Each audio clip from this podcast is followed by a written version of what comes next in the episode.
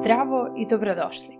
Ja sam Kristina Pavićević, a vi slušate još jednu epizodu mog podcasta koji ima za cilj da podigne profesionalizam mrežnog marketinga koji se obavlja online, da ujedini industriju i ponovo je učini poželjnom apsolutno svima.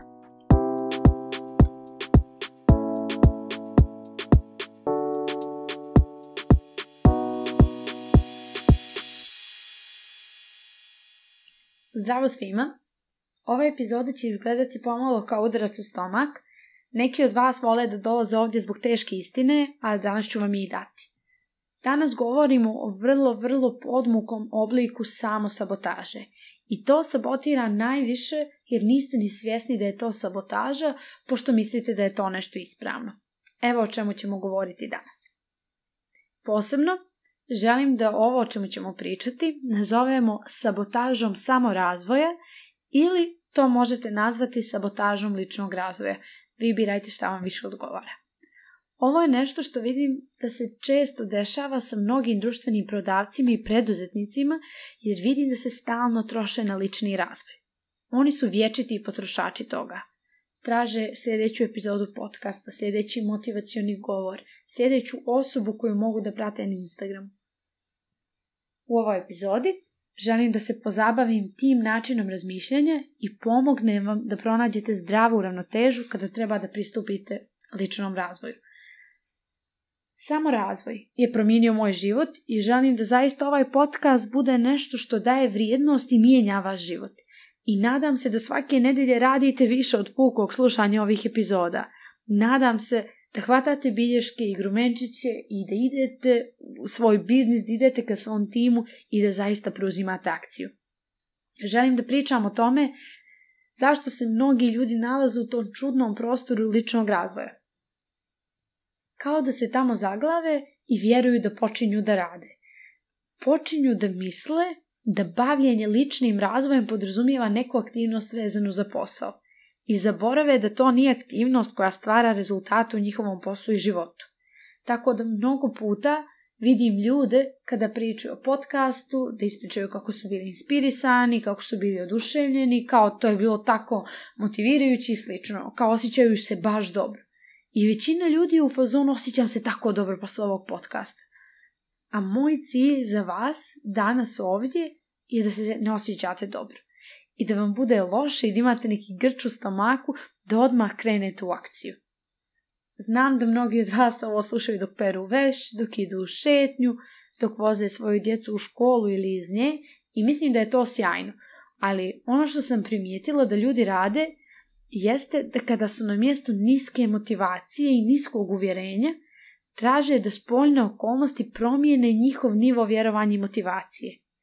Kao, Danas se ne osjećam motivisan u svom poslu, idem da slušam podcast. Osjećam se jako loše, idem da slušam podcast. E, konstantno traže govornike, knjige, influencere, podcaste da bi se osjećali bolje. I to rade privremeno. Oni će otići, poslušat će podcast i reći će da se osjećaju tako dobro, inspirisano i onda opet ništa. Mislim, svi volimo motivacione govore, jer nas to budi i osjećamo se kao da možemo sve da uradimo. Ali problem je u tome što osjećaj nestaje ubrzo nakon epizode, nakon podcasta, knjige, e, konferencije. Osjećaj vas napušta, jer taj osjećaj nikada nije tu da ostane. I tako, ono što se dešava je da kada osjećaj nestane, vi ste se ulovili i uslovili da ga ponovo jurite. Uslovili ste se da slušate još jednu epizodu podcasta i gledate još jedan YouTube trening i gledate neku treću stvar. I nastavljate da čekate da spoljne okolnosti utiču na vaše uvjerenje i vašu motivaciju kako biste se trebali osjećati. Želim da primijetite da polako padate u neku neprestanu potjeru za spolješnjom motivacijom. Jer kada vi jurite sebe, vi vjerujete da je to izvan vas i da morate da idete i tražite nešto što je zapravo cijelo vrijeme u vama. Jer ko se zaglavi u ovome, on stvarno ima misao, to mora da je nešto izvan mene i ja moram da idem da ga potražim. Ljudi misle da nemaju to neophodno znanje, pa stalno tragaju za još, još, još i još. i vjerovatno misle da ono što rade je pogrešno. Kao mora da to ne radimo kako treba. Zato MLM-ovci baš često uh, misle da moraju da nađu strategiju koja funkcioniše. A onda gube dragocjeno vrijeme u potrezi za strategijom umjesto da stvarno rade na stvaranju rezultata. Obratite pažnju na to kako možete da se izgubite u nečemu što samo mislite da je produktivno.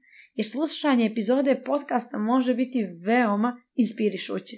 Možete se osjećati veoma pozitivno, ali zapravo nije produktivno. I morate se zapitati šta ja proizvodim nakon što učim i konzumiram. Da li sam samo potrošač znanja ili ste student koji primjenjuje znanje. Primijenjeno znanje je potpuno drugačije od nekoga ko samo konzumira znanje. I ako nastavite da prelistavate moje podcaste, a nema primjene, nema implementacije, ono što će se desiti, ono što se desilo, jeste da ste se na kraju uslovili da vjerujete da slušanje ovog podcasta stvara rezultate za vaš biznis. A ovaj podcast samo stvara rezultate za vas ako odlučite da uradite nešto sa tim što ste naučili. Ako odlučite da krenete i preduzmete akciju. I kad god mi odlučimo da odemo i primijenimo i preduzmemo akciju, pogodite šta nas čeka. Čekaju nas neke negativne emocije poput straha, nelagode, brige, sumnje, nesigurnosti.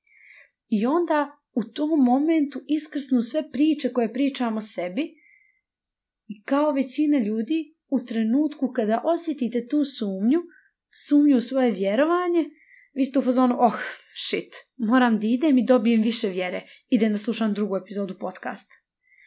I tako u ovom momentu vidim da se ljudi nekako gube u toj zečijoj rupi ličnog razvoja i samo troše, troše, troše, ali ostaju tačno tamo gdje jesu dan za danom u svom životu jer nisu naučili kako da primjene. Slušanje, konzumiranje znanja i primjena znanja. Znači, jaz između toga je veoma mali, ali on određuje ishod i rezultate koje stvarate u svom životu. Stvarno se svodi na to. Svako može da sluša podcast. Razlikujete se po onome što odlučite da uradite sa tim. To je isto kao online kurs, to je isto kao da radite sa trenerom, to je isto kao da se pridružete nekoj MLM kompaniji ili tim. Vaš tim, vaš upline, vaš downline, vaša kompanija ne mogu da kreiraju vaše rezultate za vas. U stvarnosti, da bih uspjeh došao, vi morate da izađete i da radite. Neki od vas se pojavljuju na pozivima vašeg tima svake nedelje i ne rade ništa. Dođete na poziv tima i čekate da vam neko kaže šta tačno da uradite da biste imali uspjeh. I pojavljujete se iz nedelje u nedelju, za nedeljom, ali ne preduzimate ništa između poziva. Lako se pojaviti za timske pozive. Možete se pojaviti tamo, svi imate isključene kamere, ali ono što je teško i ono što je glavno je obavljanje posla između tih poziva. Primijetite kako se možete sakriti iza aktivnosti. Pojavite se na pozivu, gasite kameru i kao, ah, bio sam na pozivu. Ali tu se ne dešava rast. Ako vi to koristite kao tampon od potrebe da radite pravi posao. To su vaši budući uspisi i tu leže vaši rezultati. Zato budite svjesni toga ove nedelje kada to uradite, kada prestanete da čuvati, počnete da budete neko ko je voljen dositi sve emocije koje dolaze sa obavljanjem neophodnog teškog posla, ja vam obećavam da ćete vidjeti izvanredne rezultate za svoj život. To bi bilo sve za današnju epizodu, a mi se družimo sljedeće nedelje.